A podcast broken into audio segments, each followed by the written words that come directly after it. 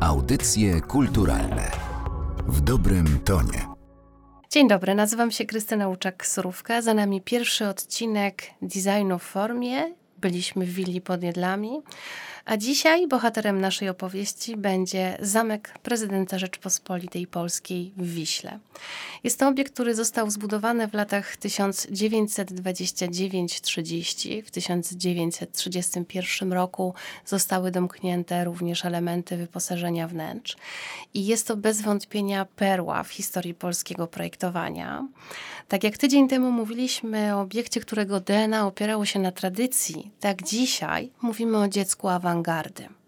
Za projektem stoi trzech ojców, matka awangarda, a trzech ojców będzie, Adolf Szyszko-Bochusz, architekt, Zbigniew Pronaszko, malarz i Włodzimierz Padleski, który był projektantem wnętrz i mebli. Ci trzej panowie stworzyli tą realizację i jest to obiekt, który, tak jak powiedziałam, jest od architektury po wnętrza utrzymany w kodzie nowoczesności, a jest to koniec lat dwudziestych, co też sytuuje to jako taką bardzo wczesną ideę w tym krajobrazie modernistycznym w projektowaniu.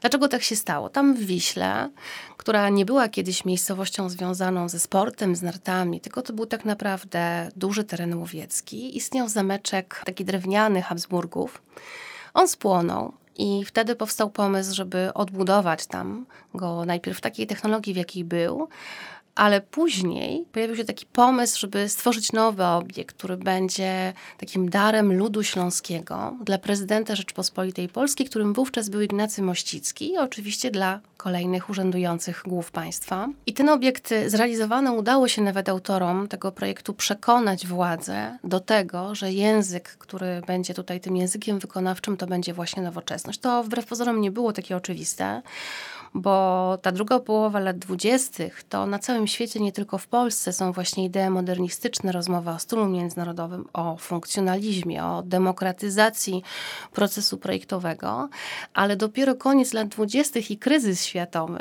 przyniesie możliwości większe realizacyjne, bo na, od początku lat trzydziestych Europa będzie potrzebowała tych idei.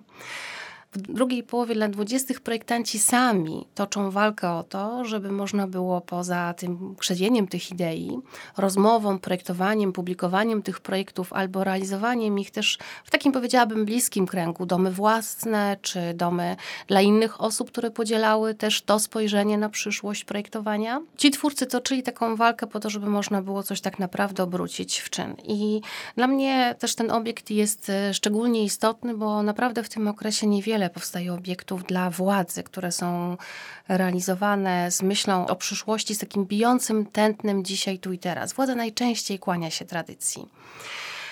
Obiekt jest e, zachowany, podobnie jak willa pod Jedlami, o której mówiliśmy ostatnio, i obydwie te realizacje są niezwykle spójne w wyrazie. Nowoczesność tego obiektu objawia się przede wszystkim w formie utrzymanej w języku geometrii, w zastosowanych materiałach. Sam obiekt to były takie kubiczne formy zestawione ze sobą, niczym taki przeskalowany i wyprowadzony w 3D obraz abstrakcyjny. On ma oczywiście też dekoracje, zbróżnione kamienie, takie formy, które odnoszą się do lokalnego krajobrazu. Ma też trochę elementów historyzujących, czy nawet też opartych e, o detale ze stylu zakopiańskiego, wprowadzonego w drobnych takich elementach e, dekorujących. Obiekt powstał pełnym takim domknięciu geometrycznym, czyli dachy są płaskie, ale już e, kilka lat po istnieniu wprowadzono pewne modyfikacje. Konkretnie w 1938 roku jednak dobudowano wysokie hełmy, bo okazało się, że w tej lokalizacji ta ilość śniegu, która tam pada i trzeba cały czas logistycznie obsługiwać tą inwestycję, to okazało się po prostu być jednak niefunkcjonalne, pomimo że mówimy o projektantach, którzy właśnie wdrożyli bardzo funkcjonalistyczne idee w życie. Wnętrza tego obiektu obiektu to są wnętrza o charakterze reprezentacyjnym. To są pokoje prywatne dla prezydenta, dla jego małżonki, dla obsługi. To są też pokoje do życia codziennego sala konferencyjna pełniąca miejsce spotkań, ale też jadalnia, weranda. Pan prezydent Mościcki rzeczywiście w tym obiekcie bywał, jest też związany ze Śląskiem bardzo mocno, więc wtedy miało to dla obu stron duże znaczenie. I projekty wnętrz to są projekty w tamtym czasie jedne z takich najnowocześniejszych. Meble, które znajdują się w tym obiekcie, To są meble projektu głównie Włodzimierza Padlewskiego, wykonane na konstrukcji zgiętej rurki stalowej. Często są to konstrukcje zawieszane, a więc ten nowoczesny paradygmat mebli, który właśnie w latach dwudziestych się zmienił, kiedy już nie rozmawiamy o drewnie, o prostej konstrukcji stolarskiej, tylko rozmawiamy o metalu, który znamy w projektowaniu mebli, ale to zawsze były takie meble na zewnątrz. Ten metal był materiałem, który znosił różne warunki atmosferyczne, ale nie wchodził na salony. A teraz wchodzi na salony. I to są elementy, tak jak klocki prefabrykowane, z których składano meble z różnych elementów można było złożyć nawet kilka różnych mebli. W przypadku akurat Zamku Prezydenckiego w Wiśle to są obiekty konkretnie projektowane pod tą realizację i wykonywane tylko w tej ilości, bo jednak mówimy o wnętrzu jednostkowym, też ekskluzywnym, więc użyto najwyższej jakości materiałów. Te meble na konstrukcji metalowej wyprodukowane były przez warszawską wytwórnię Konrad Jarnuszkiewicz i spółka, która zresztą będzie takim głównym partnerem dla nowoczesnych projektantów tutaj polskich, jeżeli chodzi właśnie o tego typu realizacje, ale te meble wykończone są skórą, futrami prawdziwymi. Na ścianach nie mamy polichromii, nie mamy jakichś bogatych obrazów, tylko mamy powieszone kilimy o geometrycznej dekoracji, mocnych, wyrazistych kolorach. Lampy, które oświetlają te wnętrza, to są lampy warszawskiej wytwórni, konkretnie fabryki żerandoli elektrycznych Antoniego Marciniaka. To też jest bardzo ważny kawałek historii polskiego projektowania. To są projekty Edmunda Bartłomiejczyka, który był kierownikiem artystycznym właśnie w tych e, zakładach. I możemy mówić o takich projektach, które bardzo mocno są na styku tej nowoczesności mówiące już o geometrii formy, o awangardzie, o funkcjonalizmie, o nowym spojrzeniu, o przyszłości, ale też i o takim styku z Art Deco. Bo co by nie mówić, lata dwudzieste to jest takie współistnienie i Art Deco i modernizmu. I obydwa te spojrzenia, obydwa te style bardzo wiele różni, ale to, co łączy jednych i drugich, to jest myślenie o geometrii, o tym nowym słowniku formalnym, o tym, że wszyscy bardzo szybko poznajemy, czym jest koło, kwadrat, trójkąt, sfera, stożek, sześcian.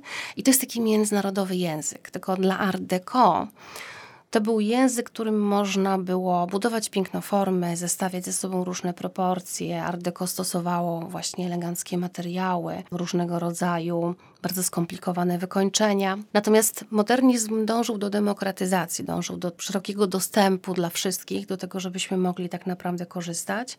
I lata dwudzieste to jest taki moment współistnienia. I ta realizacja też jest w pewnym sensie na styku, tak powiedziałabym, jedną nogą wychodzi w przyszłość, a jedną bardzo mocno jest w tej teraźniejszości. I ta noga, która stoi po stronie teraźniejszości, to jest też coś, co ja zawsze nazywam takim motywem wyciągniętej dłoni. Czyli projekty, nawet najbardziej nowoczesne w danym momencie w czasie i przestrzeni, mają taki motyw wyciągniętej dłoni. Tak jak podchodzimy do kogoś i mówimy dzień dobry i wyciągamy dłoń.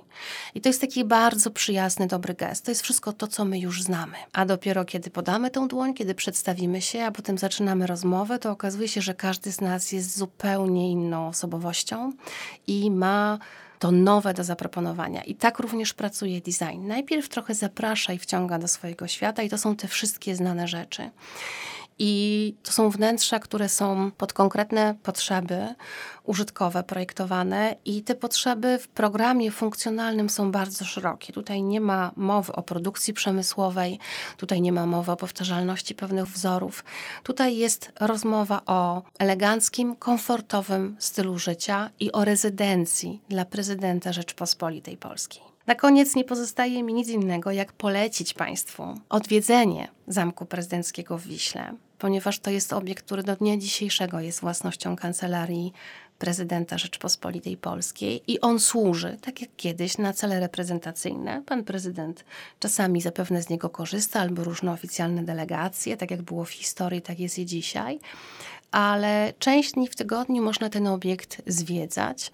Więc jak będą Państwo się wybierali do Wisły, na przykład na narty albo na wycieczkę teraz na wakacje, to polecam zainteresować się tym. Obiekt został kilka lat temu zrewitalizowany, więc prezentuje się świetnie. Można na żywo zobaczyć elementy wyposażenia wnętrz, część sal wyposażona jest kompletnie, część obiektów zostało przekazanych do muzeum, więc jeżeli ktoś z Państwa na przykład wybierze się do Warszawskiego Muzeum Narodowego, gdzie jest jedyna w Polsce stała Galeria Polskiego Wzornictwa, to tam trzy obiekty z Zamku Prezydenckiego w Wiśle zostały przekazane i są na stałej ekspozycji, więc również tutaj można ich w jakimś sensie dotknąć, bo oczywiście proszę nie dotykać, żeby nie było na mnie, ale można je zobaczyć na żywo, to zawsze dużo zmienia. To nie zmienia jednak faktu, że zobaczenie obiektu w jego naturalnym środowisku, czyli we wnętrzu, dla którego powstało, da Państwu lepsze takie wyczucie projektu, pewnej spójności, która w nim jest i też takiej kapsuły czasu zaklętej, którą można tam odnaleźć. Także w tym dzisiejszym odcinku zapraszam Państwa na taką prawdziwą wycieczkę. Wycieczkę do Wisły, wycieczkę wakacyjną, czy wycieczkę w każdym innym momencie roku, żeby spotkać się z designem. Audycje kulturalne w dobrym tonie.